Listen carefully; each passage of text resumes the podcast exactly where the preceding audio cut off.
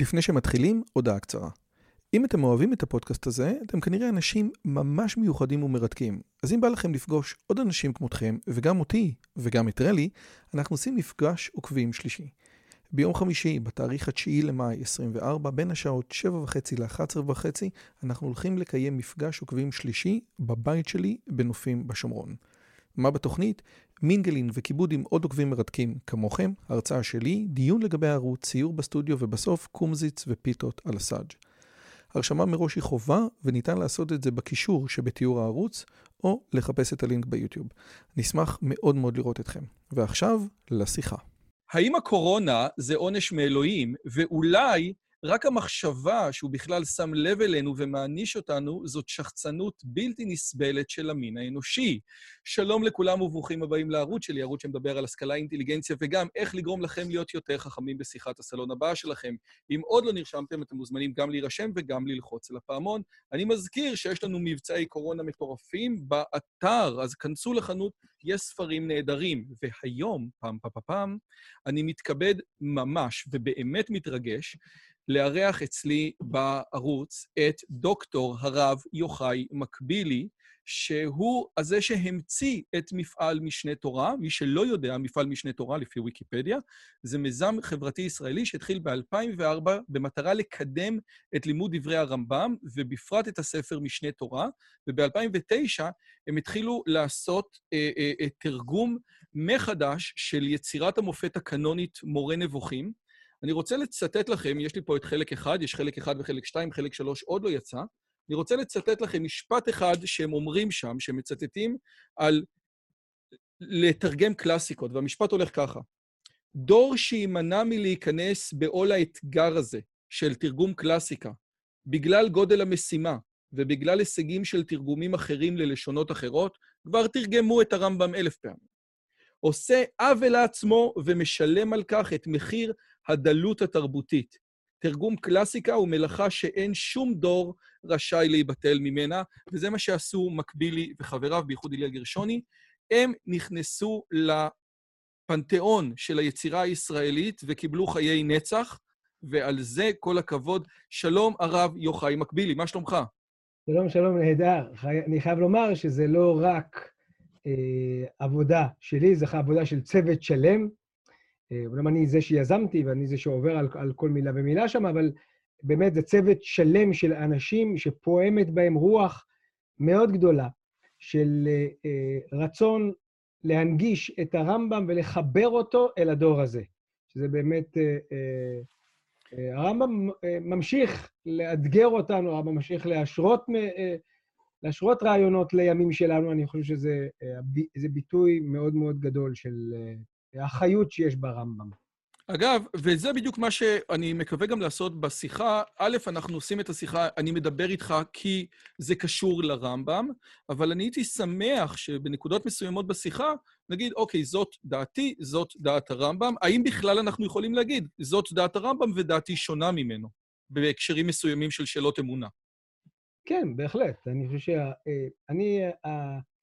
הרבה פעמים אומר, המוטו הוא, מי שרמב"מיסט לא יכול להיות רמב"מיסט. זאת אומרת, אם הרמב"ם, אם הרמב"ם חותר להגיע אל האמת ובכל מחיר, אז אי אפשר ללכת רק אחרי הרמב"ם, עם האמת בנקודות, בנקודות מסוימות, ואנחנו מעירים עליהם בספרים, במקומות שבהם אה, התגלה ידע חדש. אה, אה, אז בהחלט, אני חושב שגם אם הרמב"ם היה היום, הוא לא היה מחזיק באותן תפיסות שהוא פעם החזיק בהן. זאת, זאת אומרת, מורה נבוכים היה נכתב אחרת לאור ביקורת התבונה הטהורה, אבל המשפט היפה הוא, מי שרמב"מיסט לא יכול להיות רמב"מיסט. אני רוצה לחדד אה, אה, נקודה שהייתה לי עם הרב מקבילי, שאגב, בזכותו, זו פעם ראשונה שאני אפיתי לעצמי מצות, אז זה ממש בזכותו. הריאיון הזה זה דבר שרצינו לעשות הרבה זמן, והשאלה הייתה האם הקורונה זה עונש מאלוהים, וצדדים לכאן ולכאן. וקבעתי לראיין אותו, וביום של הראיון אני מקבל ממנו את הוואטסאפ הבא. אז אם עד עכשיו הערכתי אותו, בעקבות הוואטסאפ הערכתי אותו עוד יותר, אני אקריא לכם אותו כי הוא מבחינתי מטורף, והוא כותב לי ככה: שלום רועי היקר, נאלץ לדחות בכמה ימים בעקבות שאלות עכשוויות שנשאלתי על ההשגחה, התפילה והיכולת לכלכל כמה מקורות סותרים ברמב"ם, לכלכל כאילו לחבר אותם ביחד, שאני חשבתי עד כה שאין יכולת לכלכל, צריך לחשב מסלול מחדש, ולא רוצה לומר דברים שלא יושבים אצלי חזק. אז הבן אדם שמ-2004 מגדיר את עצמו כעושה אקזיט על דברי הרמב"ם, מ-2009 כל כולו מתעסק ברמב"ם, באיזשהו מקום לא נותן תשובות אוטומטיות. וכשהשאלות האלה מגיעות לפרקטיקה, באמת בשאלות הקורונה, אומר, רק רגע. והרעיון הזה שבן אדם שהוא כל כך מבין ברמב"ם, עוצר ואומר, אני רוצה אולי לחשוב על זה שוב, זה דבר שבאמת מעורר הערכה בצורה בלתי רגילה. אז קודם כל, על זה אין לי מילים, ממש ממש כל הכבוד. אז, אז אתה, טוב, עזוב, בוא אני אתחיל איתך מה, מהשאלות הקשות, ו... כי אמרתי לך שלא יהיה לך קל. מתחילים. אני רוצה לצטט לך, אתה רואה את מה שאני מראה? כן, אבל תגדיל יותר את המסך. הנה, רק רגע. אני רוצה לצטט לך שני, מקו... אה, אה, שני פוסטים שונים לגבי, הרם... אה, לגבי הקורונה. אני אקריא. טוב, רציתם תחבורה ציבורית בשבת, התחלתם להפעיל אותה, עכשיו לא תהיה תחבורה ציבורית גם ביום חול, בגלל הגברת קורונה. מנעתם בכוח אירועים בהפרדה לשומרי מצוות, תקבלו הפרדה ובידוד לכולם. אה, לעגתם למנשקי המזוזות, מעכשיו אין נשיקות בכלל בגלל דוד הקורונה. לא אפשרתם לרב פירר אגורו כרצונו, זה האיש שעוזר לכולם, עכשיו הוא לא יוכל לעזור לכם. רציתם לבטל את חוק המרכולים, עכשיו לא יהיו בכלל מרכולים. הלבנתם פני לומדי תורה, אה, פניכם יכוסו במסכות, וכן הלאה וכן הלאה. Okay. אוקיי. זאת, רגע, זאת אמירה אחת, אמירה אחת שראינו אותה ברשתות החברתיות. אה, ועכשיו, אה, עוד משהו יפה? רוצים שיהיה הרבה להט"ב, גם איש של אישה לא יוכלו להתקרב. אולי, כי אולי באמצע תזדחה לקורונה. עכשיו אני רוצה לתת לך את מה שאומר הרב טאו, שהוא, יושב, שהוא הנשיא של ישיבת הר המור. אומר הרב טאו כזה דבר: אין חולק שעד היום הווירוס הזה היה מוכר כפוגע בבעלי חיים, אך לא תקף את בני האדם. אומרת הגמרא, אין חיה רעה שולטת באדם, אלא אם כן נדמה לו כבהמה, שנאמר, נמש, נמשל כבהמות נדמו. והרב טאו אומר, התרבות של הפוסט-מודרנה, עם האייפונים המוצפים בסרטי תועבה, עם ארגוני הסוטים, ההופכים את האדם בכל העולם להידמות לבהמה, וכי פוליאמורה אין, אין, אין, אינה מעשה בהמות, מבחינה רוחנית, חיית נגיף הקורונה מזהה את האנושות כבהמה ומצליחה לפגוע בה. והשאלה שלי, האם יש הבדל, לפי דעתך, בין שני הפוסטים? שני הפוסטים מספרים לנו למה יש קורונה, למה אלוהים מעניש. אחד, אחד מספר ככה ואחד מספר ככה. אתה רואה הבדל בין שני הפוסטים האלה? אני חושב ששניהם, אה, אה, אולי מבחינות ובניואנסים שונים, אבל שניהם אה, באים בעצם כמעט להצדיק תמיד את מה שהאדם חשב כבר מלפני כן, ורק האירועים, הוא מפרש אותם שוב מחדש לאור, ה, לאור התפיסות שלו. אני חושב שעל זה אומר הרמב"ם, אין, ה, אין המציאות הולכת אחרי הדעות, אלא הדעות צריכות ללכת אחרי המציאות. זאת אומרת, יש צורך לבחון את המציאות כשלעצמה, לבודד אותה. יש צורך בוודאי לנתח ולשאול למה, זה שאלות גדולות וחשובות, אבל הן דורשות באמת לבוא כמעט נקי אל, ה, אל, ה, אל הניתוח הזה, ולא עם תשובות מוכנות מראש, שרק אתה אה, מדביק אותן לאירועים, לאירועים כאלה ואחרים. כי בכל אחד מה, מהתשובות האלה אתה יכול להגיד, אוקיי, נו כן, אז, אבל גם נסגרו ישיבות, אז אם ככה לא, לא למדתם תורה טוב, הנה עכשיו הקורונה סוגרת לכם את הישיבות. אגב, הרב צבי טאו עצמו אה, אה, נתגלה כחולה בקורונה, אז השאלה היא, אולי מהרגע שניתן למשחית להשחית, הוא כבר לא מבדיל. אבל אתה בעצם אומר, מבחינה עקרונית, אני לא רואה הבדל בין מה שאומר הרב צבי טאו, בהנחה שהוא אומר את זה, ובין אותו פוסט בפייסבוק. זאת אומרת, הרעיון הוא אותם דברים. ואז השאלה שלי, טוב, איך אומרים? בוא ניכנס בך. הקורונה זה עונש מאלוהים כי התנהגנו לא יפה, או לא? צריך להבין פה, אה, לפני שאני עונה לך על השאלה, צריך אה, להבין פה, א', הגדרה של מה זה עונש ברמב"ם בכלל. דבר שני, צריך להבין את האמירה של הרמב"ם בהקשר הזה שאין רע יורד מלמעלה. והדבר השלישי, באמת צריך לנתח מה, מה המקור של הקורונה. אז בואו נתחיל אה, אחד-אחד. מה ההגדרה של עונש?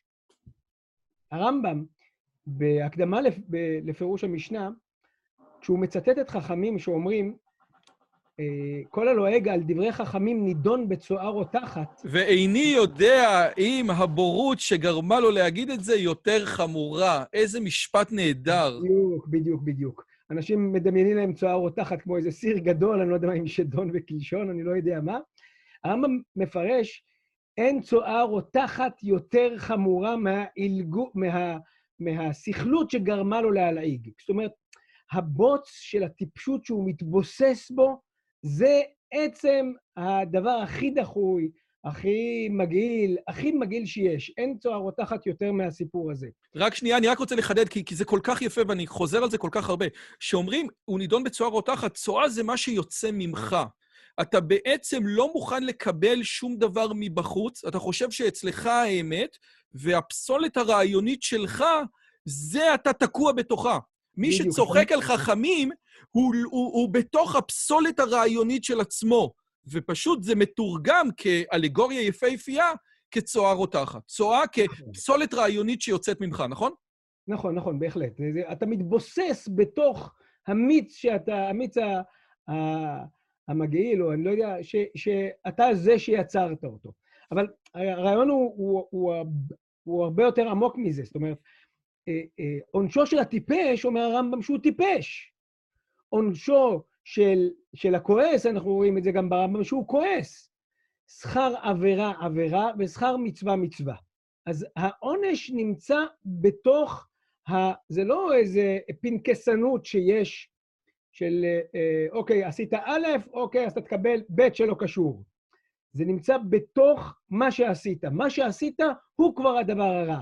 כבר בתוכו נמצא אה, אה, התגובה הפנימית והאינהרנטית למה שעשית. זה מה שהקדוש ברוך הוא אה, בונה את עולמו. אבל זה שני... לגבי כעס. עד עכשיו רגע, הסכמנו רגע, פיקס. שנייה, שנייה, רגע, רגע. כן.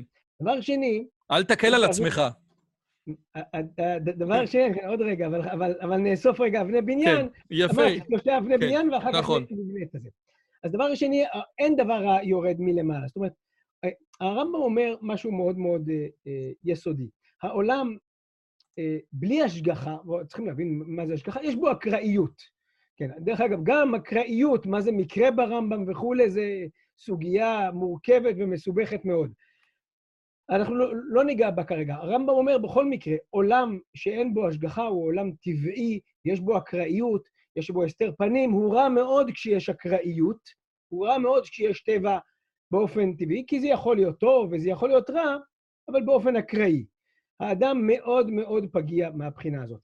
נקודה שלישית היא, אה, תראה, אנחנו באמת לא יודעים מה מקור של, של הקורונה, האם זה אה, רשלנות של, שברחה ממעבדה, האם זה אה, יצרו את זה במעבדה מסוימת, או שבאמת שזה טבעי לגמרי, וזה מגיע מאכילת עטלפים, או אני לא יודע, פנגולין וכולי, או שזה באמת, ואז שזה באמת או שזה לא קשור באדם בכלל, זו תופעת, תופעה טבעית וכולי, כמו שיש הרבה בעולם, אז אחת לכמה זמן יש מחלה חדשה שהטבע מפתח.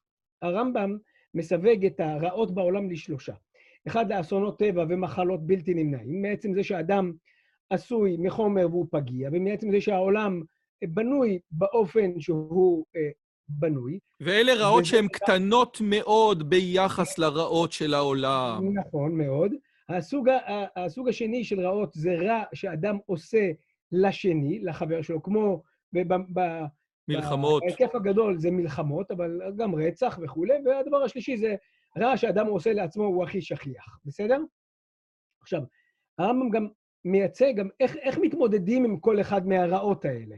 אז לרעות הראשונות הוא אומר, תשמע, זה טכנולוגיה וזה ידע, אתה מבין בדיוק איך העולם הזה פועל מבחינה פיזית, מבחינה פיזיולוגית, ואתה מתמודד איתה, ואנחנו רואים את זה באמת, שהיכולות שלנו להתמודד עם אסונות טבע ומחלות ומומים מולדים הולכים ופוחתים ככל שאנחנו צוברים יותר ויותר ידע, והרמב"ם מתייחס לזה גם בהקדמה לפירוש המשנה, שככל שה... אה, ככל שהעולם מתקדם יותר, אנחנו מגלים יותר ויותר צמחים שעוזרים לרפא בני אדם וכולי. דרך אגב, לרמב"ם ירידת הדורות, הוא לא מקבל את המושג הזה כ- כמושג אה, אה, נתון, אבל זה, זה עניין אחד. רע שהאדם עושה אחד לשני, אומר הרמב"ם, איך אתה מתמודד עם זה? אתה מתמודד עם, עם מדיניות, עם פוליטיקה ואחריות אישית, והדבר השלישי זה האחריות האישית שהאדם צריך לקבל על עצמו. וזה באמת הספר של לא- המורה נבוכים, בהקשר הזה של הרע השלישי. אני רוצה רק אולי להקריא משהו מהרמב"ם, אני מקריא את זה מתוך הספר ברורי אמונות ברמב"ם שכתב חיים וייסמן, והוא כן. אומר את הדברים האלה, כי בתכלס... הוא, דרך אגב, הוא אחד מהצוות שלנו. כן, נכון. אתה יודע, אני לא הבאתי את מיכה גודמן שיש לי פה, הבאתי... האם אני אצטט את גודמן, אני אצטט אותו... אני אצטט את גודמן דרך חיים וייסמן. אז השאלה, אה, הוא, הוא, הוא אומר את הדבר הבא, כי אנחנו תכלס, עכשיו אנחנו מדברים על הרע הראשון, על הרע של הטבע, בסופו של דבר. זה. לא רק... אוקיי. זה הרע, כי אתה, יכול להיות שתגיד שהקורונה, בגלל שהיא הונדסה במעבדה, אז היא שייכת לרע השני. אבל... אני אומרת, אנחנו לא יודעים, אבל אפשר להתייחס לכל אחד מהם כשבפני עצמו. בוא לא נגיד, לא אבל בוא נגיד לרע של הטבע. אומרים את הדברים הבאים, אומר הרמב"ם, שרעות מימין זה החלות בבני האדם, מועטות מאוד ואינן קורות אלא לעיתים נדירות. כי אתה מוצא ערים בנות אלפי שנה שלא טבעו ולא נשרפו, כן נולדים אלפי בני האדם בבריאות מרבית. אז הנה, בגדול, סטטיסטיקה, רוב הדברים, הכל בסדר, כמעט ואין נכון. תאונות, אה, אה, כמעט ואין אה, רעידות אדמה, אבל מדי פעם בן אדם אוכל עטלף ויש מגפה, וזה לפי הטבע. נכון. בשיחה הקודמת אני שאלתי אותך כזה דבר. מדינת ישראל בשנים האחרונות מתכוננת לרעידת אדמה גדולה שיושבת על השבר הסורי-אפריקאי. הרעידת אדמה, לפי הסטטיסטיקות, קורית פעם במאה שנה. כדי להתמודד עם זה, עשתה מדינת ישראל חוק שנקרא תמ"א 38. זאת אומרת, קח מבנים שהם יכולים ברעידת אדמה להתמוטט, תחזק אותם, והאינסנטיב של הקבלן זה תיקח עוד, עוד כמה קומות ותבנה לך ותמכור.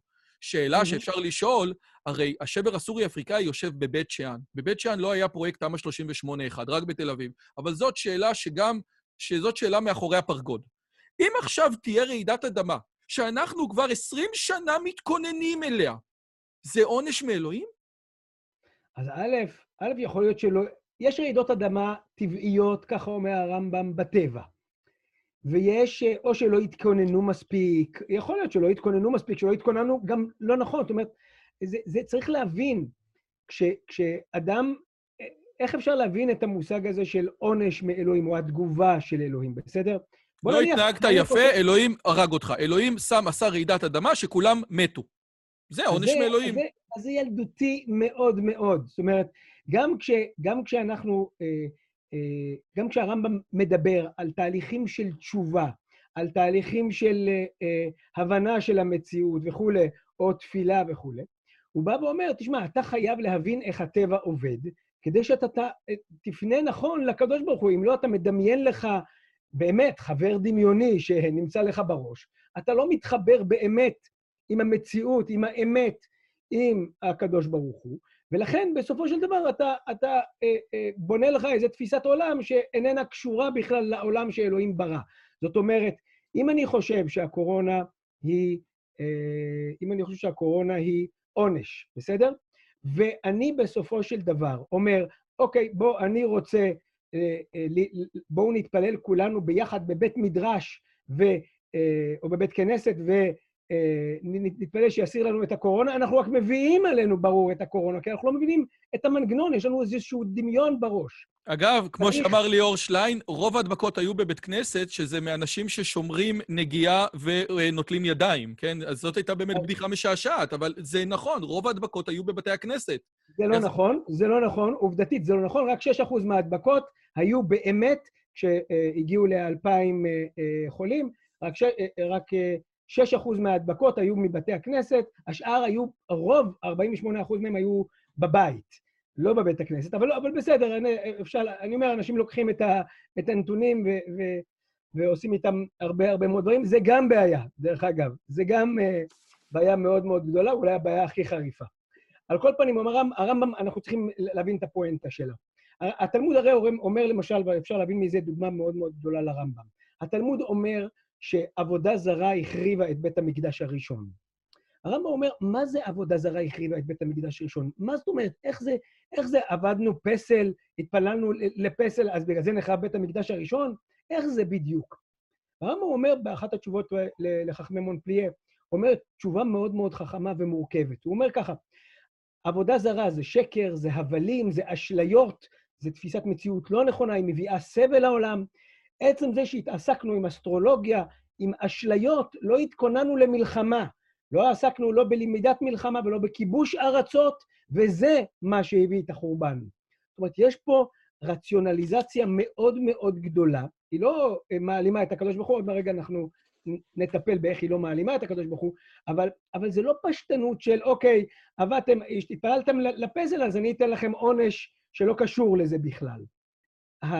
העובדה שאתם קולטים את, את, ה, את הקורונה, כ, כ, וזו התמודדות מאוד מאוד גדולה, זה עונש במובן הזה שצריך להתמודד איתו, וצריך להתמודד איתו שלא התמודדנו עד עכשיו איתו טוב, וזה המשמעות של, של התשובה, של, של ההתבוננות שוב.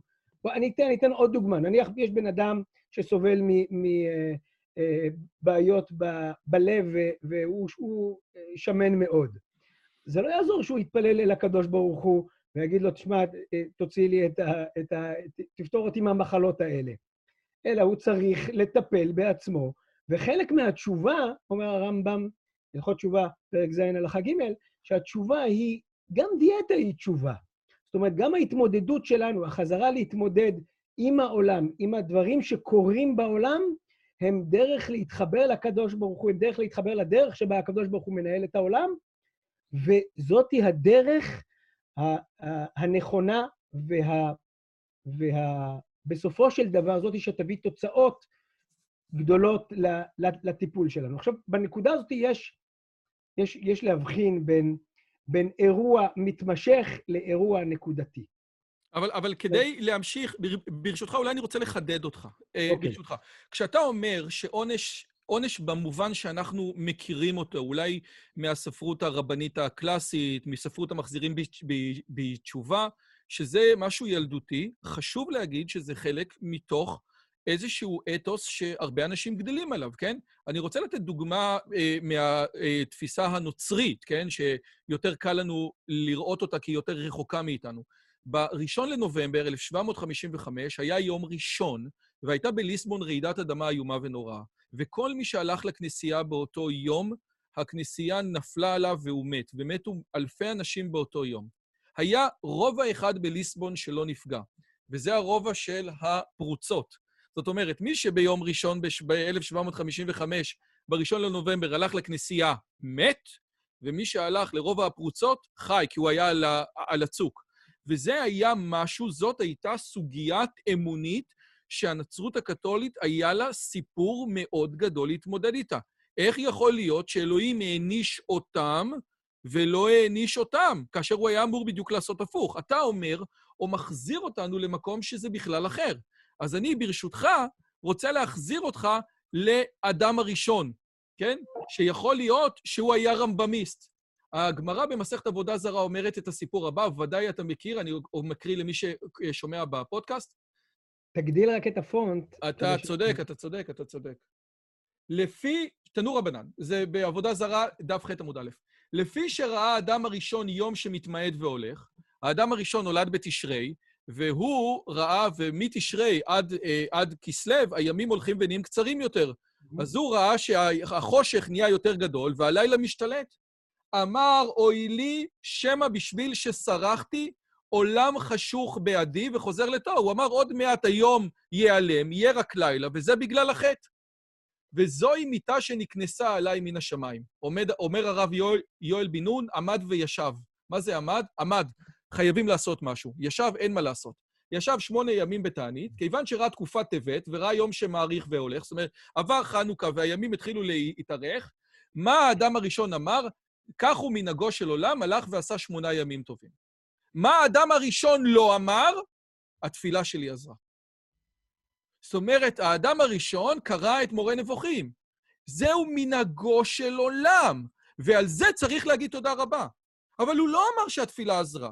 כי אולי, כי אין תפילה, תפילה לא עוזרת במובן הזה. מנהגו של עולם זה מנהגו של עולם. מקבל או לא? יש להבחין בין, א', בוודאי שמנהגו של עולם זו תפיסה יסודית מאוד מאוד אה, אה, ברמב"ם. העולם עולם כמנהגו נוהג.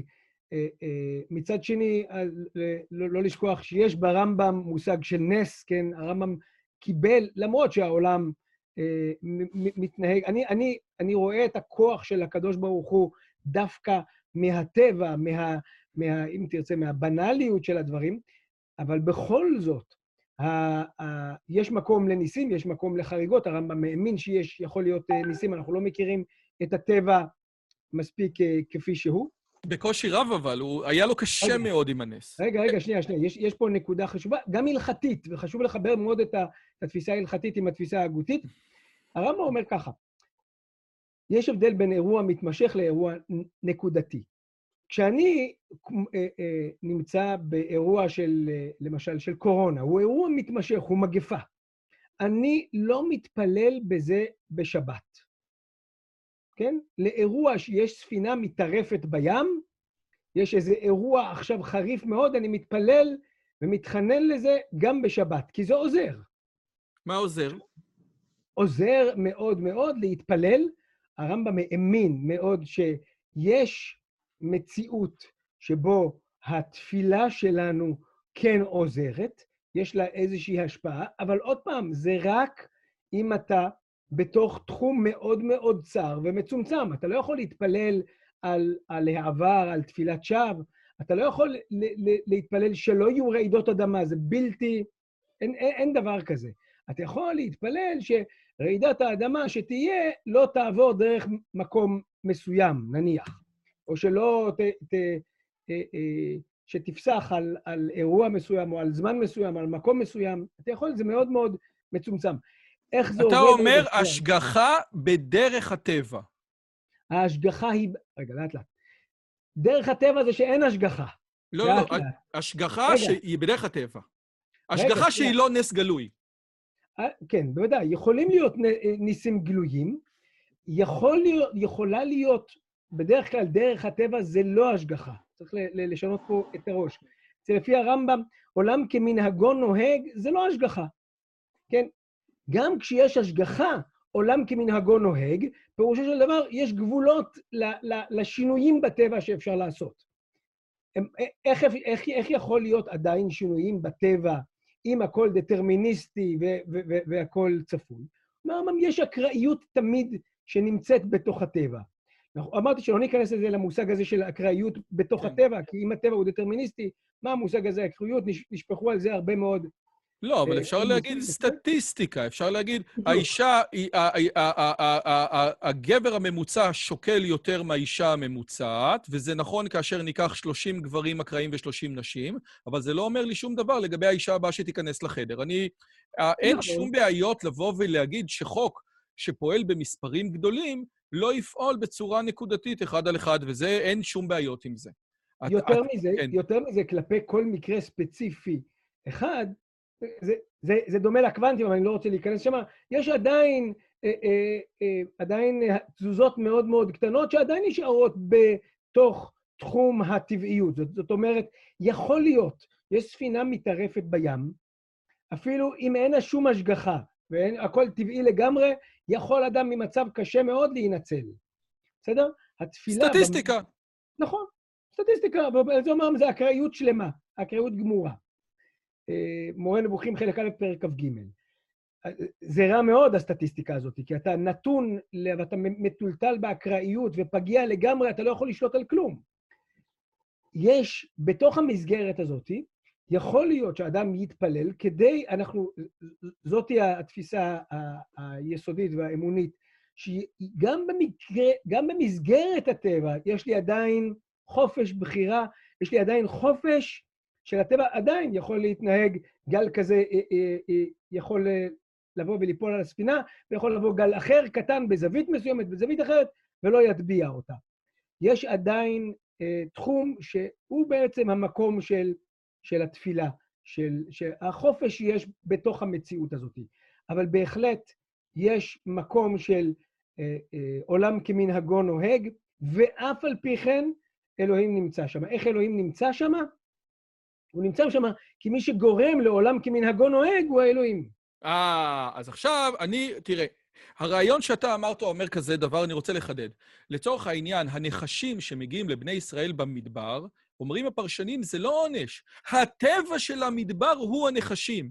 הנס היה, זאת אומרת, העונש היה שאלוהים הסיר את המעורבות שלו, או את ההשגחה שלו, שהייתה השגחה כמו של אה, גננת בגן, ועכשיו, במדבר יש נחשים. זה הטבע, אוקיי? ספק.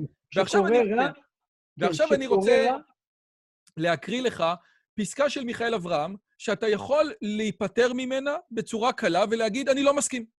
אני לא אוקיי. מסכים, אבל, אבל אני מבקש שאולי תוכל כן אה, זה. עכשיו, מיכאל אברהם, אחד, אחד הדברים שהוא אומר זה שאלוהים לא מתערב בעולם, הוא גם מחדד את זה, אלוהים כן, אלוהים יכול להשגיח, אבל הוא לא מתערב בצורה אה, אקטיבית. אומר את הדברים הבא, כן? אומר, עוד מיתוס רווח ושגוי, הוא זה של אפשרות למעורבות אלוקית במסגרת הטבע.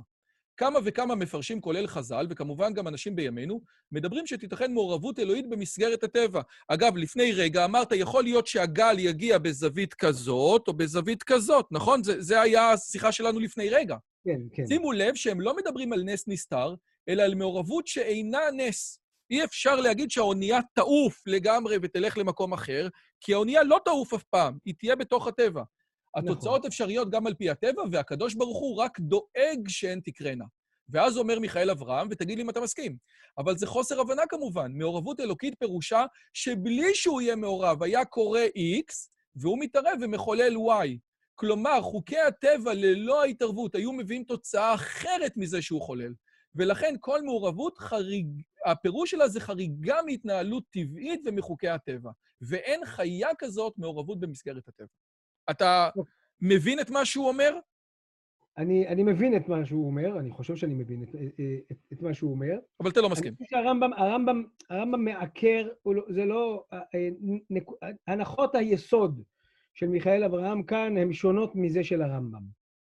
מאלו של הרמב"ם, לפחות מבחינת התפיסה שלו, ואנחנו מנסים לעסוק בה. אומר הרמב"ם, יש תמיד חופש של אקראיות בתוך הטבע. בתוך הטבע, הטבע יכול להיות אה, אקראי לגמרי. איך זה מסתדר לנו שטבע הוא אקראי? זו שאלה גדולה, אבל אני מניח את זה אה, כ- כ- כנתון. הטבע יש בו מידה מסוימת של חוסר אקראיות, של, סליחה, של אקראיות, ובאופן טבעי הוא מתנהל כך.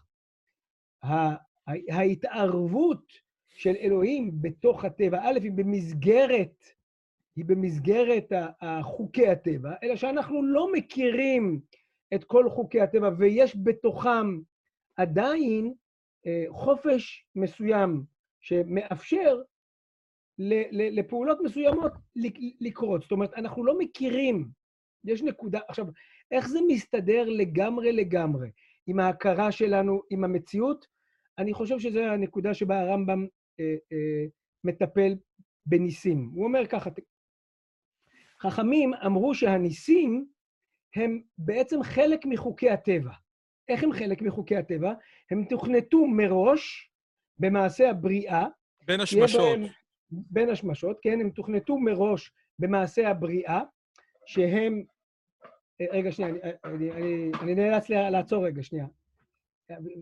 תגידי לאף אחד לא, לא להיכנס. רק שנייה, אז בזמן שהרב מקבילי... רגע. נעצר, אני אגיד לקהל החילוני שלי שהרעיון של ניסים ב- ב- בפילוסופיה הדתית הוא בעייתי. למה נס הוא בעייתי?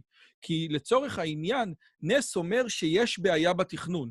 אם היה צריך לפגוע, אם היה צריך לפגוע, אה, אה, אה, לפתוח את הים בים סוף, היה צריך נס, זה אומר שדה פקטו הטבע התנהל לא כמו שאלוהים רצה.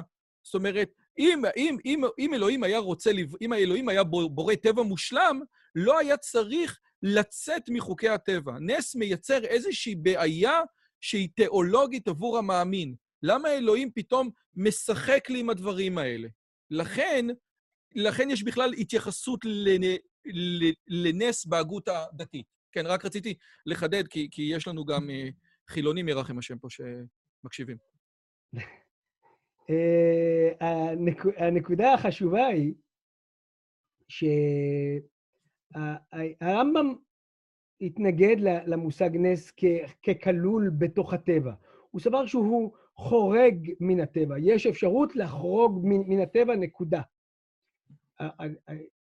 רק, ש, רק שגם החריגה, הוא אומר, תשמע, אני, אני לא יודע למה, אני, אני לא מבין את זה, זה מקום שבו אני עוצר, אני מכיר בעובדה שיש חריגה, אני לא מבין אותה, זה מקום שבו אני עוצר. יש פה נקודה סינגולרית שבו הרמב"ם בסופו של דבר אה, אה, אה, לא, לא, לא מבין אותה. הוא אומר, זו נקודה שבה צריך לעצור, אני לא יכול לפתור לך את כל הדברים עד הסוף. אני לא יודע אם, אם הוא אה, אה, אה, ידע מה הפתרון והוא לא גילה לנו, או שהוא ידע מה הפתרון ולא יכל לנסח אותו, או שהוא באמת עוצר בנקודה שבה יש לעצור.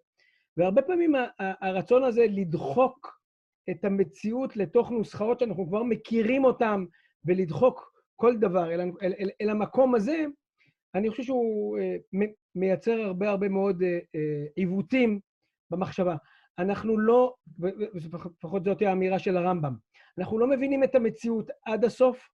אני חושב שיש מנגנונים מאוד מאוד ברורים של המציאות. יש עם זאת חריגות, אני מכיר בהן, אני לא מבין את הכל עד הסוף. אז זה, אני... אבל עם זאת. רגע, שנייה, אבל חשוב סליחה? להבין את הדבר הזה.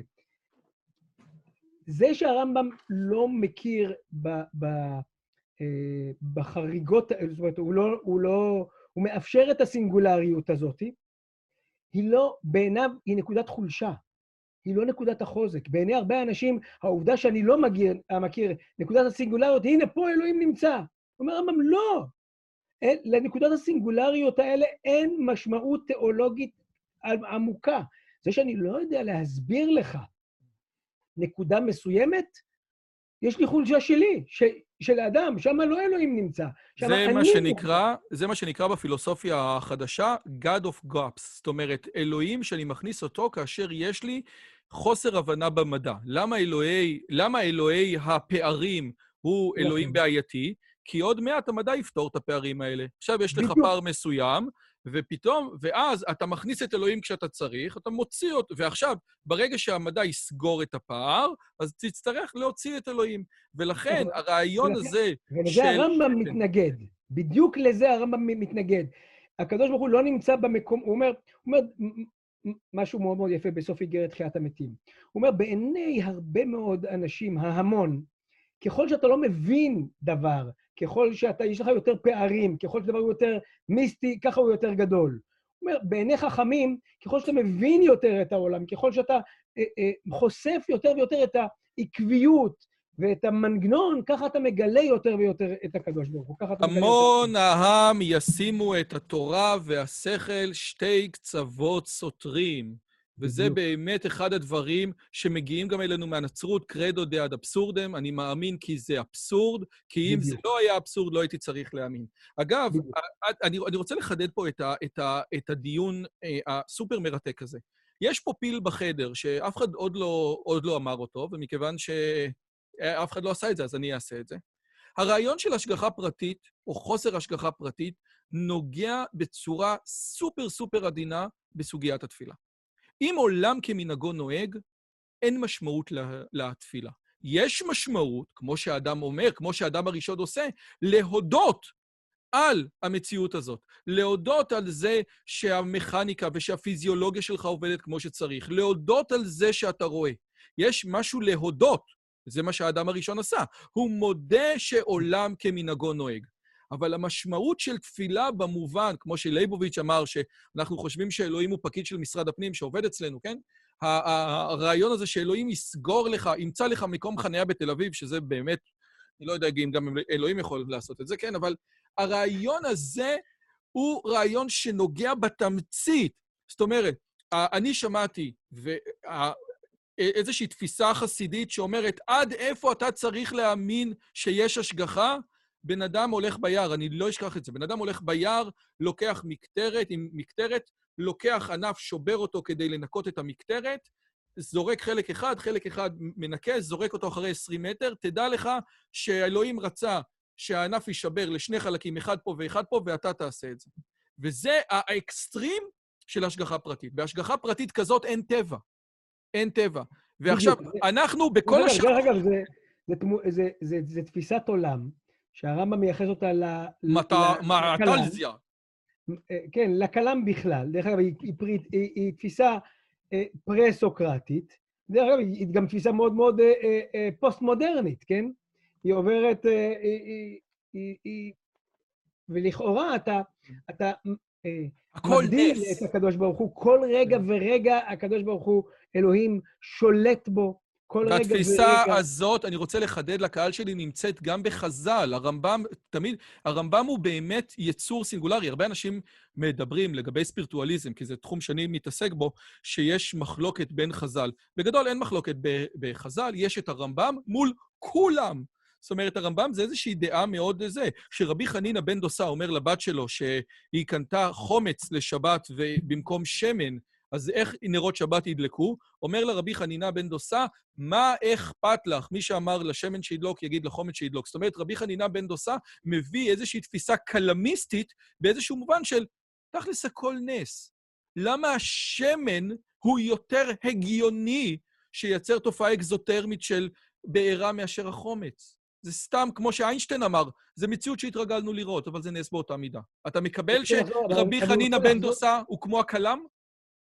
רגע, שנייה, שנייה, חכה רגע, עוד רגע אנחנו נתייחס לזה, אני רק רוצה אה, לחזור לנקודה ש, שאמרת. תפיסה שהתפילה היא כמו מנגנון, שבו אתה לוחץ על הכפתורים, הכפתורים הנכונים, הכוונות הנכונות, המילות, המילים הנכונות, השמות הקדושים וכולי וכולי, בעיני הרמב"ם היא תפיסה פגאנית. היא מתארת כאילו אנחנו נעשה פעולה מסוימת ונפעיל, בהכרח, נפעיל איזשהו מנגנון שבו אנחנו כאילו שולטים על העולם בסופו ש, ש, של דבר. אומנם זה לא עובד ככה, זה, זה, זה תפיסה רוחנית, פגאנית, ילדותית, או איך שתקרא לזה. זו באמת התפיסה של העבודה זרה. Uh, התפילה, יש בה, uh, יש בה, uh, יש בה באמת כמה מרכיבים. מרכיב אחד זה שאמרת, זה התודה, באמת הכרת התודה של, של האדם. מרכיב שני הוא המרכיב הפותח, מרכיב הכרת התודה הוא המרכיב המסיים. הפותח הוא השבח, זאת אומרת, אתה עומד מול העולם כולו ואתה מכיר אותו ומשבח אותו, ובעיני הרמב"ם אתה מכיר אותו כי, כי אתה יודע את העולם. לא בגלל שאתה מתפעל כמו ילד קטן וכולי וכולי, אתה מכיר, אתה עוד רגע נגיע. אתה לא הוגן אבל. כי רוב תפילת שמונה עשרה היא בקשות. רגע, רגע, אמרתי, עכשיו, החלק, החלק הארי של התפילה הם בקשות. מה המשמעות, מה המשמעות של הבקשות האלה? האם זה שאני אומר, אלוהים, רפא חולים, באמת, כשאתה אומר את זה, אז מיד, ואתה מתכוון אפילו על מישהו מסוים, אז מיד זה, זה עובד? כבר אמרו, על, כבר אמרו הליצנים, איזקור עוזר למתים כמו שמי שברך עוזר לחיים. למה זה מצחיק אותנו? למה אתה צוחק? כי אתה מבין שזה לא עוזר. תודה רבה. א', זה עוזר, זה עוזר לחיים, דבר ראשון. זה עוזר לחיים. אבל, אבל בהחלט, הנקודה החשובה אצל הרמב"ם בהקשר הזה היא, אני עורך 12, 13 אה, אה, אפילו, אה, ברכות מסוימות. אומר הרמב"ם, הם כמו אבות, הם, הם עקרונות יסודיים למה באמת חשוב לי, למה באמת צריך לכוון את החיים שלי, בסדר? לפרנסה. דרך אגב, הברכה הראשונה היא דעת. כן, הדבר הרציני בבקשות היא, אלוהים, תן לי דעת. דרך אגב, אפשר להבין מה זה הברכה הזאת כשמשווים אותה לתפילה קצרה. אתה יודע שאין לבן אדם זמן, או שהוא נמצא באיזה מצוקה, יש, יש ברכה קצרה שנקראת הביננו, שבו היא אה, מתמצתת את כל הברכות האלה, לכל ברכה של אה, שלוש-ארבע משפטים יש אה, פסוקית אחת. והברכה הראשונה של חונן הדעת, אנחנו מבקשים מאלוהים דעת, זה הביננו השם לדעת את דרכיך. כלומר, תן לנו שכל כדי שאנחנו נבין איך אתה פועל בעולם. הברכות האלה בסופו של דבר מסדרות ומעמידות את, ה, את האדם במקום הרבה הרבה יותר גבוה, כי ההשגחה היא לא חד-כיוונית. מי שיוצר את ההשגחה, מי ששולט, אם תרצה, מי ששולט, הוא לא שולט, הוא, הוא, הוא מתחבר אל השדר הזה, שהרמב"ם קרא לו במושגים... אה, השכל פועל. אה, נאו-אפלטונים, כן, אה, נאו-פלטונים, השכל הפועל. אם אתה מתחבר אל הדבר הזה, אז אתה, אז אתה, אתה מחובר יותר להשגחה. ההשגחה, או היכולת שלך להיחלץ מהאקראיות של הטבע, היא היכולת שלך להתבונן, היכולת שלך להיות נוכח, היכולת שלך ל, ל, אה, להתחבר לאותו, לאותו דבר גדול. היכולת שלך, זה גם הבחירה החופשית, כן? ה- היכולת שלך לצאת אפילו מהטבעיות ומהדטרמיניזם שנמצא בתוך המערכת שלך, וזה... רגע, אז אני רוצה לשאול לגבי מה שאתה אומר. אתה אומר שהשגחה זה בעצם התחברות לשדר. אני מצטט לך מתוך הרמב"ם פה, אני, כן. אל, אל תכעס, אני מצטט ממהדורת שוורץ, אבל זה רק בגלל שעוד לא עשיתם את, את, את חלק ג'. אנחנו בעיצומו. את חלק ג', אז, אז זה לא אני אשם, כן? אם תפינת, אם, אם תביעת הספינה על יושביה, כנזכר, ונפילת הגג על יושבי הבית הם לחלוטין במקרה, מה זה מקרה? כן? הם כאלה שבאים לידי ביטוי כתוצאה מחוקי הפיזיקה, ואין בעיה שחוקי הפיזיקה יהיו גם חוקים סטטיסטיים. אני מזכיר נכון, לקהל נכון. המאזינים שלנו שמכניקה סטטיסטית אינה קשורה למכניקה קוונטית, כן? יש דברים שברמת המטבע האחד אתה לא יודע, אבל ברמת הרבה מאוד אתה כן יודע, ולא צריך להיכנס לקוונטים בשביל כל דבר. אז אם נפילת הגג על יושבי הבית הם לחלוטין במקרה, אין כניסתם של הללו לספינה בישיבת האחרים בבית במקרה, לפי דעתנו, אלא על פי רצון אלוהי לפי הראוי לכל אדם ואדם, וכמה כתבו על, על המילה לפי הראוי. זאת אומרת, הרעיון הוא שהאם אתה תחליט האם להיכנס לבית שהולך ליפול, או לעלות על ספינה, זאת ההשגחה. האם מה שאתה אומר לי עכשיו, הרב מקבילי, זה שההחלטה להיכנס זה מגיעה כקשר שלך לשכל הפועל, ל... ל, ל, ל מה זה אומר ההחלטה? אני אחליט לא להיכנס כי אני חכם, כי אני רואה שהבית הזה מעט ליפול, כי קראתי את המפה המטאורולוגית ואני יודע שלא נכון עכשיו להיכנס? למשל... איך אני אחליט? איך אני אחליט? המדיום, כמו שמיכה גודמן אומר, המדיום של ההשגחה זה השכל המדיום של ההשגחה הוא השכל, אין ספק בכלל. זה, זה בהחלט נמצא ברמב"ם באופן בולט כשיטה. הדוגמה הזאת, הדוגמה הזאת של אה, אדם שמחליט אה, אה, האם לעלות על ספינה או לא לעלות על ספינה, ובסופו של דבר זה חלק מה, מההשגחה, זו דוגמה אחת, היא, היא חשובה, אבל היא לא היחידה. זאת אומרת, על פי הדוגמה הזאת יוצא למשל, ש... מה עם הטיטניק? ש... מסכנים מי שעלה על, הטיטניק. בדיוק, בדיוק, לא, יותר מזה. אם אתה כבר עלית, כן, זה אומר שאין לך השגחה, וכבר זהו, הכל, הכל סגור ונגמר. אז אם ככה, למה בכלל להתפלל על אה, ספינה שמתערפת בים?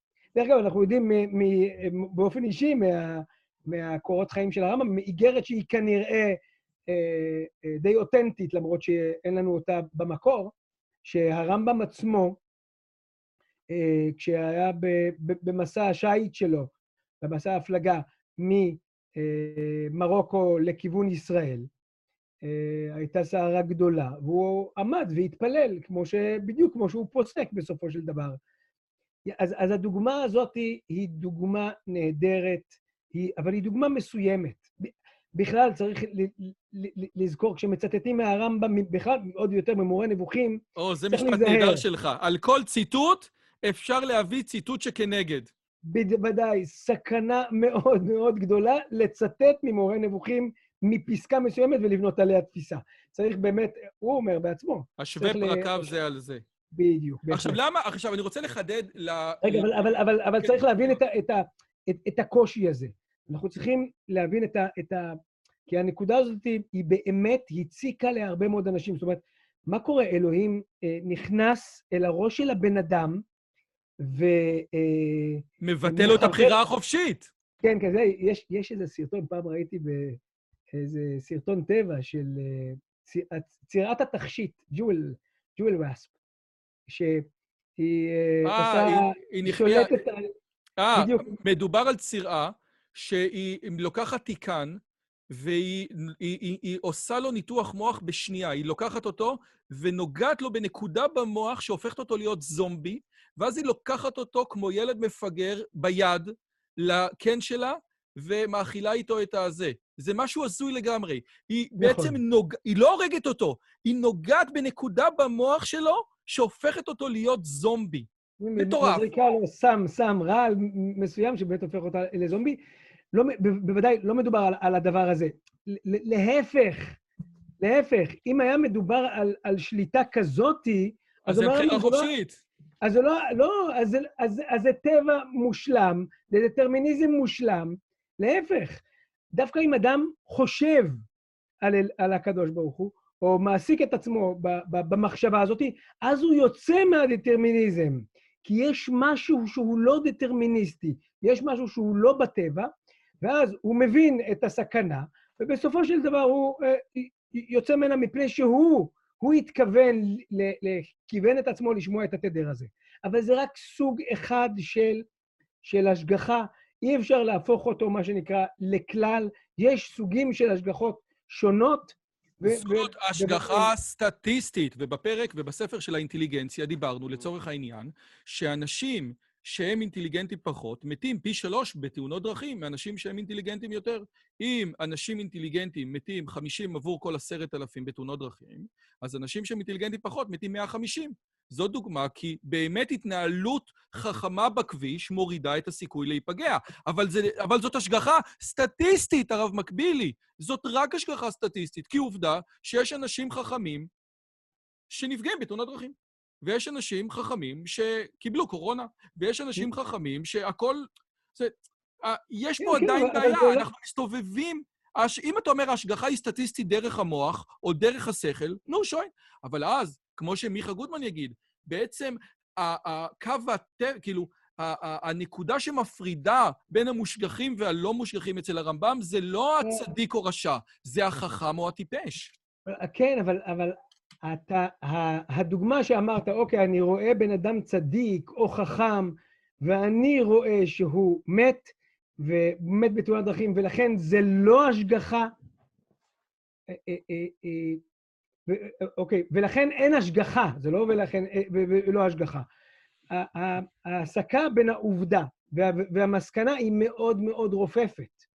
זאת אומרת, זה לא שיש, שאין השגחה. אומר הרמב"ם, תשמע, יש אנשים שיש טבע בעולם, בסדר? אנשים נפגעים מתאונות דרכים. לכן גם אם אתה חכם גדול, אם באותו רגע הסחת דעתך מהדרך, כן, בסופו של דבר, אתה, אתה מת לא בגלל שאין השגחה או כן השגחה. אתה נכנסת לשדה אחר, הוא השדה של הטבעיות. באמת, בשדה הטבעיות אין השגחה. אין השגחה פרטית בשדה הטבע. אם אתה מצליח לחמוק בהכרה שלך, בנוכחות שלך, במודעות שלך בחיים, אה, לחמוק מה, מהדטרמיניזם הזה של ה... של... ו, ולבחור, ולבחור בקדוש ברוך הוא, לבחור ב, בהתחברות הזאת, אז אתה חילצת את עצמך מהסיפור הגדול שכל העולם לחוד בו. כל העולם לחוד בדטרמיניזם, בטבעיות. אם אתה מצליח לחמוק, הצלחת לחמוק. אבל, אבל במה לא... חמקת? האם חמקת בזה, כמו שהרמב"ם יביא את איוב, האם חמקת בזה שעכשיו הטבע, חוקי הטבע לא פועלים עליך? או, כמו שהרמב"ם יביא את איוב, שבהתחלה הוא לא קורא לו חכם ובסוף הוא קורא לו חכם, אתה חומק בזה שחוקי הטבע כבר לא אכפת לך, כי אתה נמצא בדרגה. האם, האם הבן אדם שחמק מה, מהמטריקס הזה, כן? מה קרה לו? עכשיו הוא לא ימות, עכשיו לא יכאב לו, לא יהיה לו כאב שיניים, או שכאב השיניים שלו יהיה פחות משמעותי בעיניו. אז באמת התפיסה של אבן תיבון הייתה כזאתי, שההשגחה היא על המודעות עצמה. זאת אומרת, בלי קשר לאירועים. יכול להיות שבן אדם אה, אה, אה, יאבד את, את ה... את, יהיה לו תאונה ויאבד את הרכב שלו, אבל הדבר הגדול שבראש שלו, שהוא מבין שרכב זה לא חשוב. בסדר? וזה ההשגחה. אני לא בטוח שזו אה, הפרשנות היחידה. יש לה, אני חושב שיש פרשנויות, זו פרשנות בהחלט רדיקלית לגמרי, כשלוקחים אותה לא כמקרה נקודתי, אלא כשלוקחים אותה כשיטה. אז אני חושב שכשיטה היא, היא, היא, היא, לא, היא לא נכונה. אני חושב שיש מקרים באמת שבו אתה עובר איזושהי אה, אה, תאונה, והרכב, נניח, הולך... הולך... טוטל לוס. טוטל לוס, וזה השגחה, זה בסדר גמור, כי הרכב הוא לא הדבר החשוב בחיים שלך, זה בסדר גמור. זאת אומרת, יש פה שאלה מאוד מאוד... לא הבנתי, סליחה. לא, אני לא, אני. אני מצטער, סליחה. אני אסביר. ו- ודווקא אני איתך, אני, אני כאילו ממש כן, מקשיב. כן. אני... יש שני מקרים. יש מקרה שאני, יש השגחה גם על הרכוש, זאת אומרת, על, על מה שקורה לי ועל על הרכוש שלי, ויש מקרה שאין השגחה על הרכוש. אני, אני אסביר למה אני מתכוון. מתי חלק מההשגחה, אבן תיבון אמר, מעולם אין השגחה על הרכוש. כמו שהרמב"ם אומר, אין השגחה על חיות. החתול שטורף את העכבר, זה לא שאלוהים כעס על העכבר ואוהב את החתול. שלום על ישראל, אין השגחה על חיות. אין השגחה על חיות, גם אין השגחה על אנשים, אה, אה, אה, על, בני אדם. אין השגחה על אייפון 11. אייפון 11 נופל לתוך השירותים, אין השגחה, זה הטבע. נכון או לא? זה הטבע, רגע, שנייה, שנייה, גם אין השגחה, בואו בוא, בוא, בוא נחבר את זה, בין מלחמה בין עם אחד לעם שני, שאומר הרמב"ם, זה בדיוק כמו שני, אה, שני, שני אה, אה, אה, חיות יער שנלחמות אחת בשנייה. פעם שאלו את האפיפיור לגבי מלחמה בין אנגליה לצרפת, איך נבדיל בין הקתולים לפרוטסטנטים, שאלה צריך להרוג ואלה לא. אמר האפיפיור, תהרגו את שניהם, אלוהים כבר יבדיל ביניהם, ברוך השם. כן. טוב, אז, אז, אה, אה, אז אני חושב שהאמירה הזאת היא אמירה כללית נכונה, אבל הרמב"ם בעצמו אומר שיש השגחה לאבות על, ה, על הנכסים שלהם ועל הצאן שלהם ועל העושר שלהם וכולי וכולי. ויש פעמים שבו יש ברכה, יש השגחה ב... גם על הצאן וגם על הבית וגם וכולי וכולי, אם הם משמשים למטרה גדולה של ייחוד השם. זאת אומרת, אם, המ- אם הרכב שלך, למרות שאתה, אה, אה, וזה היה המקרה של איוב, איוב היה אוהב אלוהים מאוד מאוד גדול, אבל בהרבה הרבה תפיסות שלו הוא לא הבין נכון את המשמעות של רכב, את המשמעות של... של, של הוא ראה אותם כ, כחשובים בפני עצמם. אומר הרמב"ם, אז על זה אין השגחה.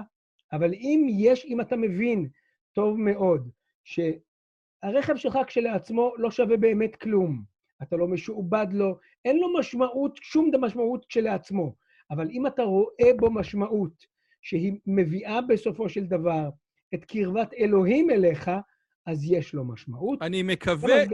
שלא תכעס? עליי, אני מקווה שלא תכעס עליי, אבל מה שאתה אומר, זה רכב שמטרתו להסיע מזון לגמח, יש לו פחות בעיות מנוע מרכב רגיל.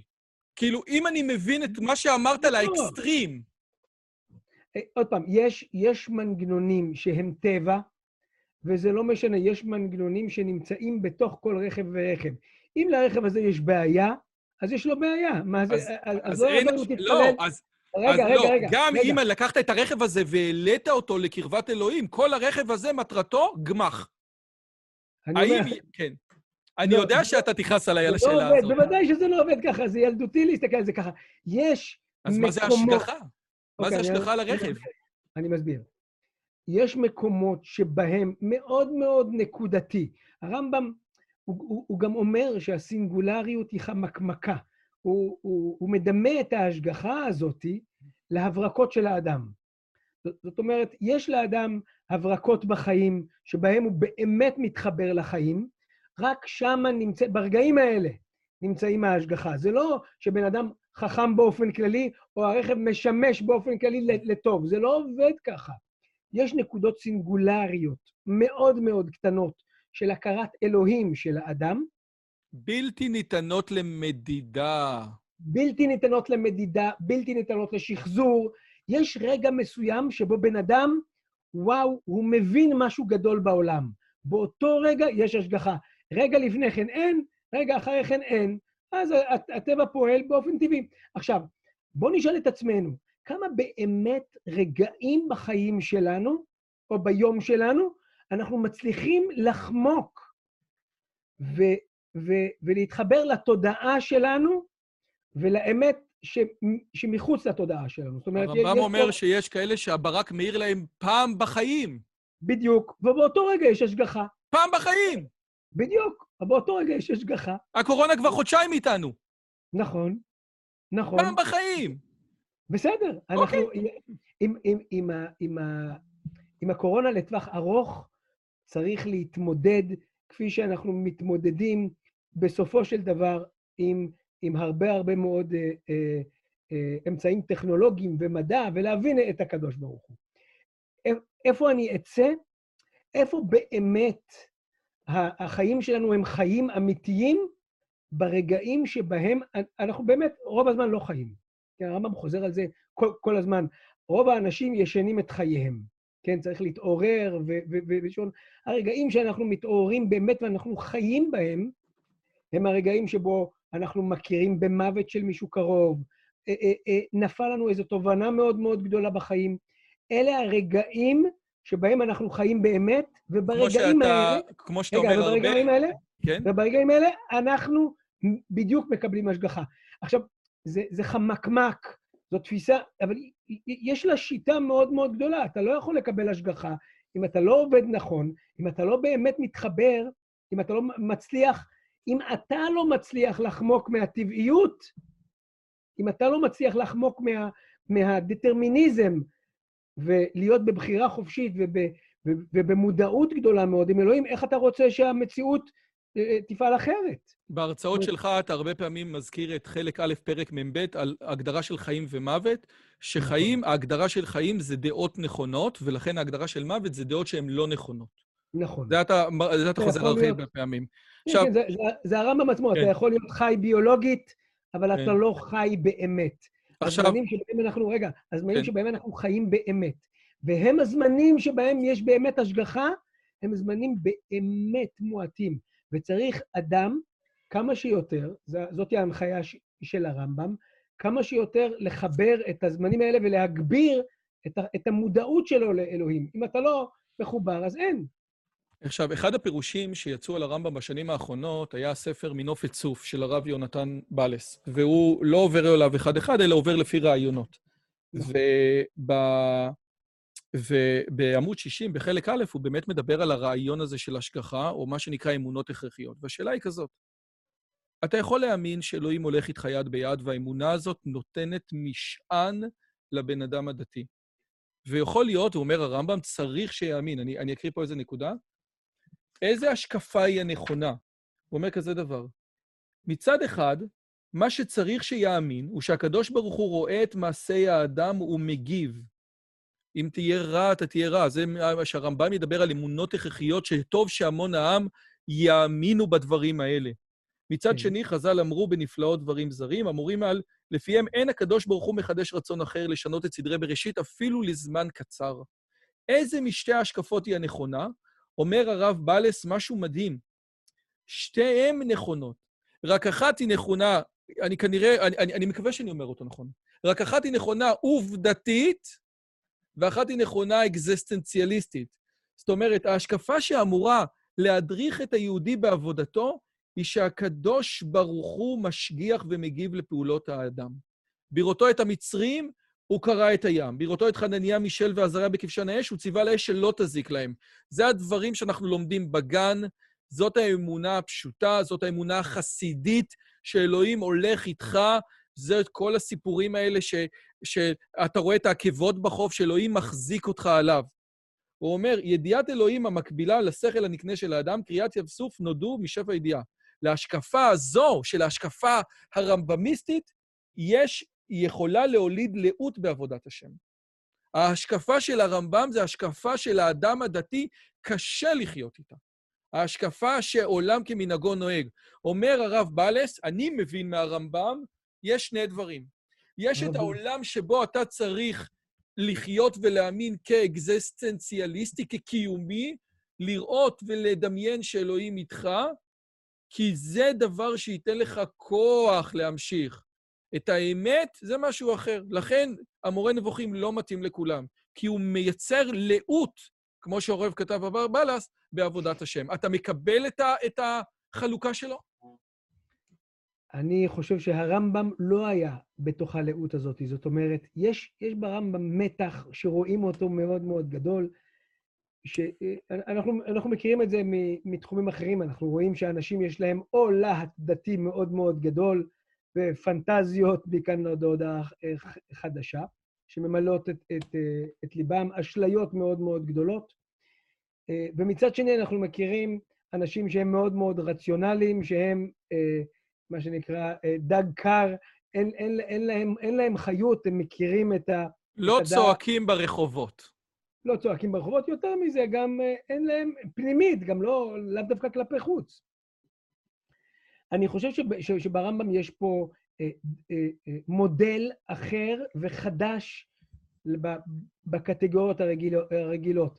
הרמב"ם חתר מאוד מאוד להכיר את המציאות אה, בצורה פילוסופית, עמוקה, אמיתית ונכונה, מדעית וכולי, ומתוך זה, וזו דרגת הנבואה שהוא קרא לה, ומתוך זה אני הופך את זה למשהו חי בחיים שלי. זאת אומרת, זה לא או-או, זה אני רוצה את המדע כבסיס, ועליו לבנות תודעה מאוד מאוד גדולה. זאתי המשימה הגדולה. בעיני הרמב"ם זה החיבור בין דעת אלוהים לאהבת אלוהים. הרבה פעמים אנחנו רואים אהבת אלוהים שהיא לא קשורה לאהבה, זה, זה סוג של... כשהרמב"ם אומר, אה, כשאתה שואל מישהו, מה זה, מה זה פיל?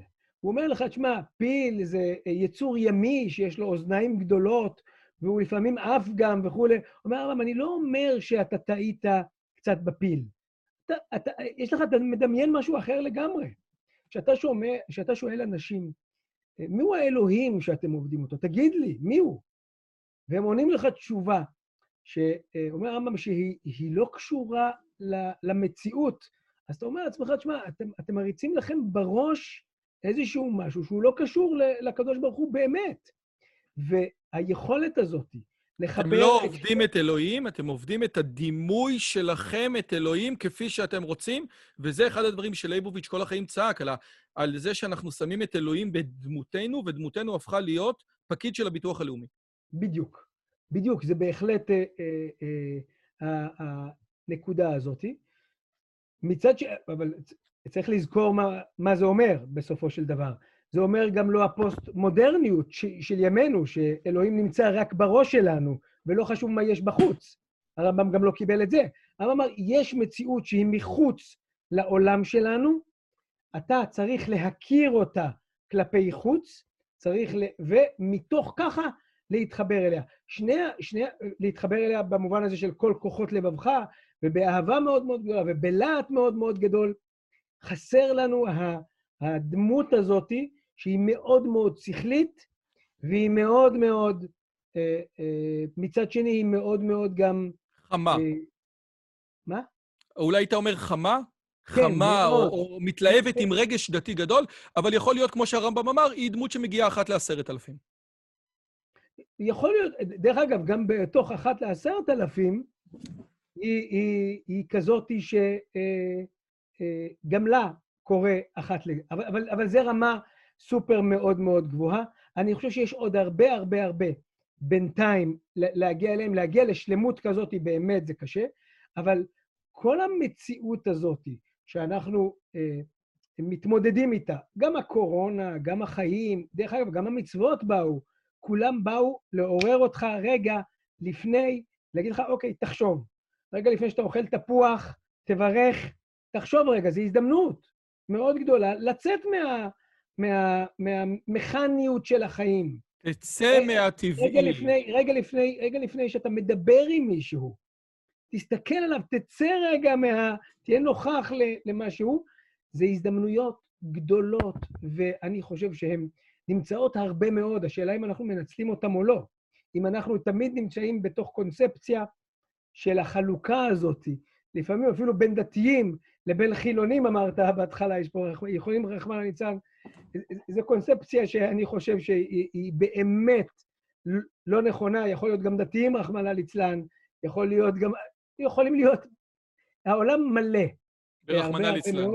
כן, ברחמנא ליצלן. תקשיב, אנחנו מדברים שעה ועשרה, וקודם כל, זו הייתה שיחה מרתקת. אני רוצה לסיים בשאלה אחת. עד עכשיו, כל פעם שאני שואל אותך שאלות, אתה עונה לי על הרמב"ם. ואני רוצה לשאול אותך, כי אתה אמרת לפני, בהתחלה של השיחה שלנו, שמי שרמב"מיסט לא יכול להיות רמב"מיסט. אז השאלה האחרונה שלי היא, האם אתה, הרב יוחאי מקבילי, בעקבות חודשיים של קורונה, מה המחשבות שלך, ואולי אני אגיד את זה אחרת, אני אנסח את זה יותר חדד, יותר חד, מה המחשבות שלך שהן שונות משל הרמב"ם? עכשיו, יכול להיות שהמחשבות שלך הן בדיוק כמו של הרמב"ם, אבל האם אתה, כאחד שנמצא במאה ה-20, ולא כאחד שנפטר ב-1204, רואה את הדברים בצורה אחרת? או מהם, או מהם הנקודות שבו אתה רואה את הדברים ברמת ההשגחה אחרת מהרמב"ם, אם בכלל? קשה לי, דבר ראשון, קשה לענות על השאלה הזאת, מה אחרת. כי לשם מה אחרת אתה צריך להבין את הרמב"ם ולבדל את עצמך מאיפה הוא. הרבה פעמים אני מגיע למקומות שבהם אני אומר, תשמע, אני באמת לא מבין את הרמב"ם.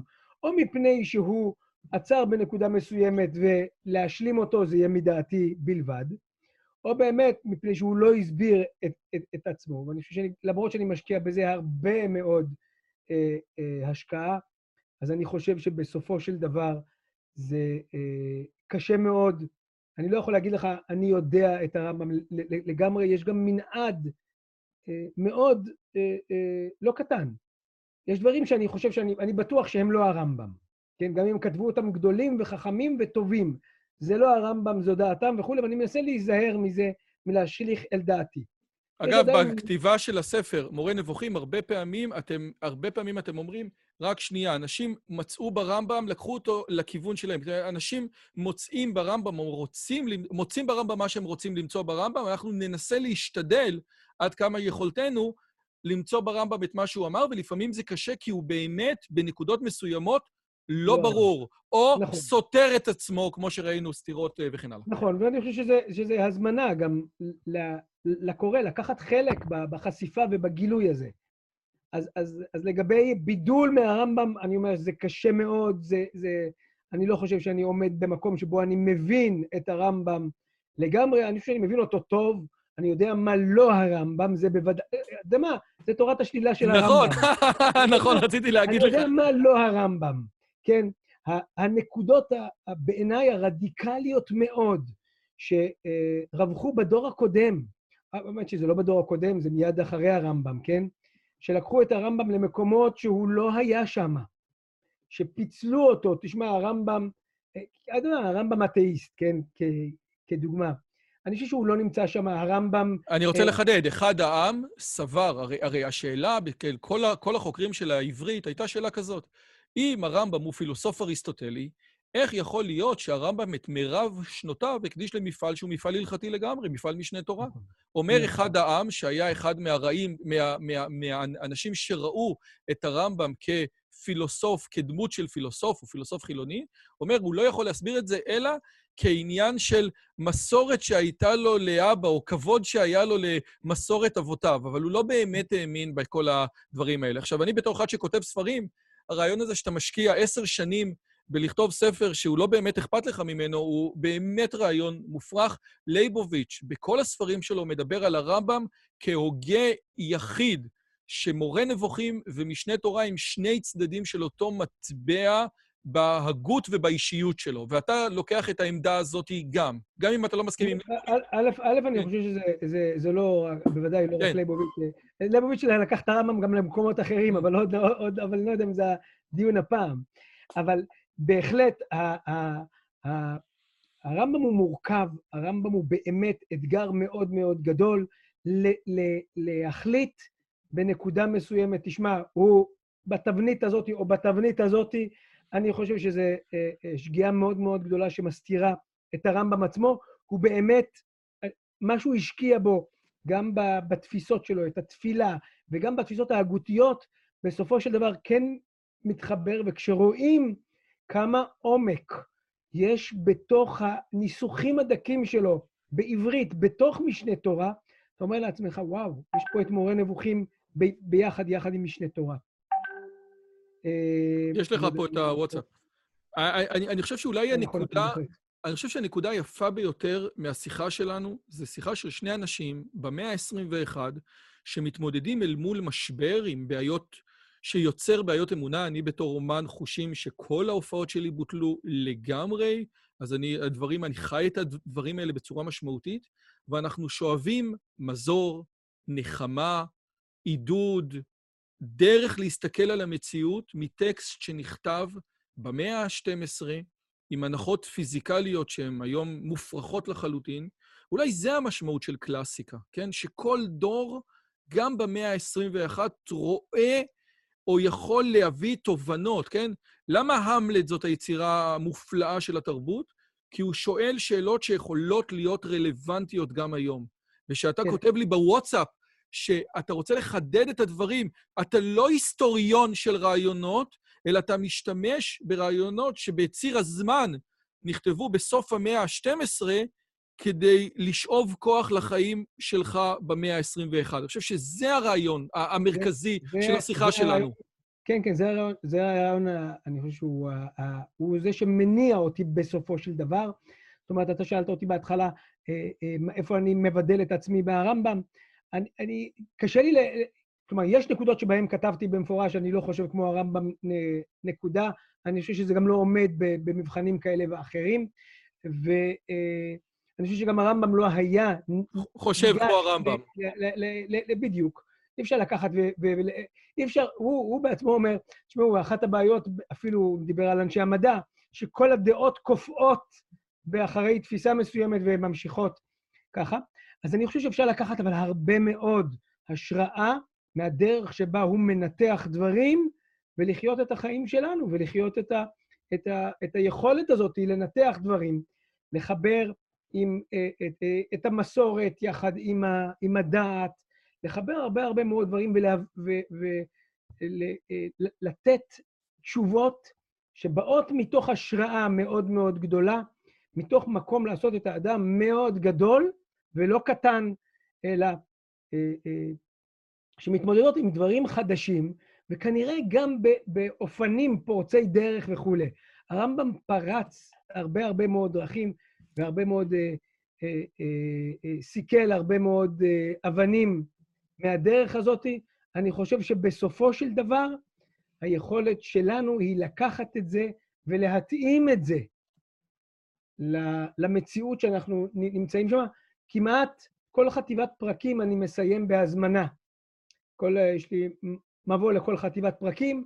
אני אומר, תשמעו, בואו נחשוב באמת איך אנחנו יכולים לקחת את ה... את ה עבר כבר 800 שנה מאז 850 שנה, מאז שהרמב"ם אולי אה, כתב את הדברים. בואו נראה באמת איפה אנחנו יכולים ל, ל, אה, להתאים ולעשות את ההתאמות הנכונות. הוא בעצמו אומר שיש לעשות את ההתאמות הנכונות לגבי הסנהדרין וכולי, הוראת שעה וכל הדברים, ולראות איך באמת זה נותן לנו את התשובות, זה מאפשר לנו למצוא את התשובות לשאלות הגדולות של החיים שלנו, הקורונה זה אתגר, אין ספק, הוא אתגר מאוד מאוד גדול, הוא אתגר שאני חושב שצריך פרספקטיבה כדי אה, לשפוט אותו נכון. אפשר לאסוף בענווה מאוד מאוד גדולה הרבה הרבה נקודות קטנות, המשפחה, התפיסה שלנו, את הכוח שלנו, התפיסה שלנו, אבל באמת שצריך להיות זהיר מאוד, כי אם לא, אנחנו נכנסים לאותו שבלוניות של הדעות שלנו, הן אלה שקובעות, אנחנו חושבים שהדעות האלו מעצבות את המציאות. המציאות צריכה ללכת...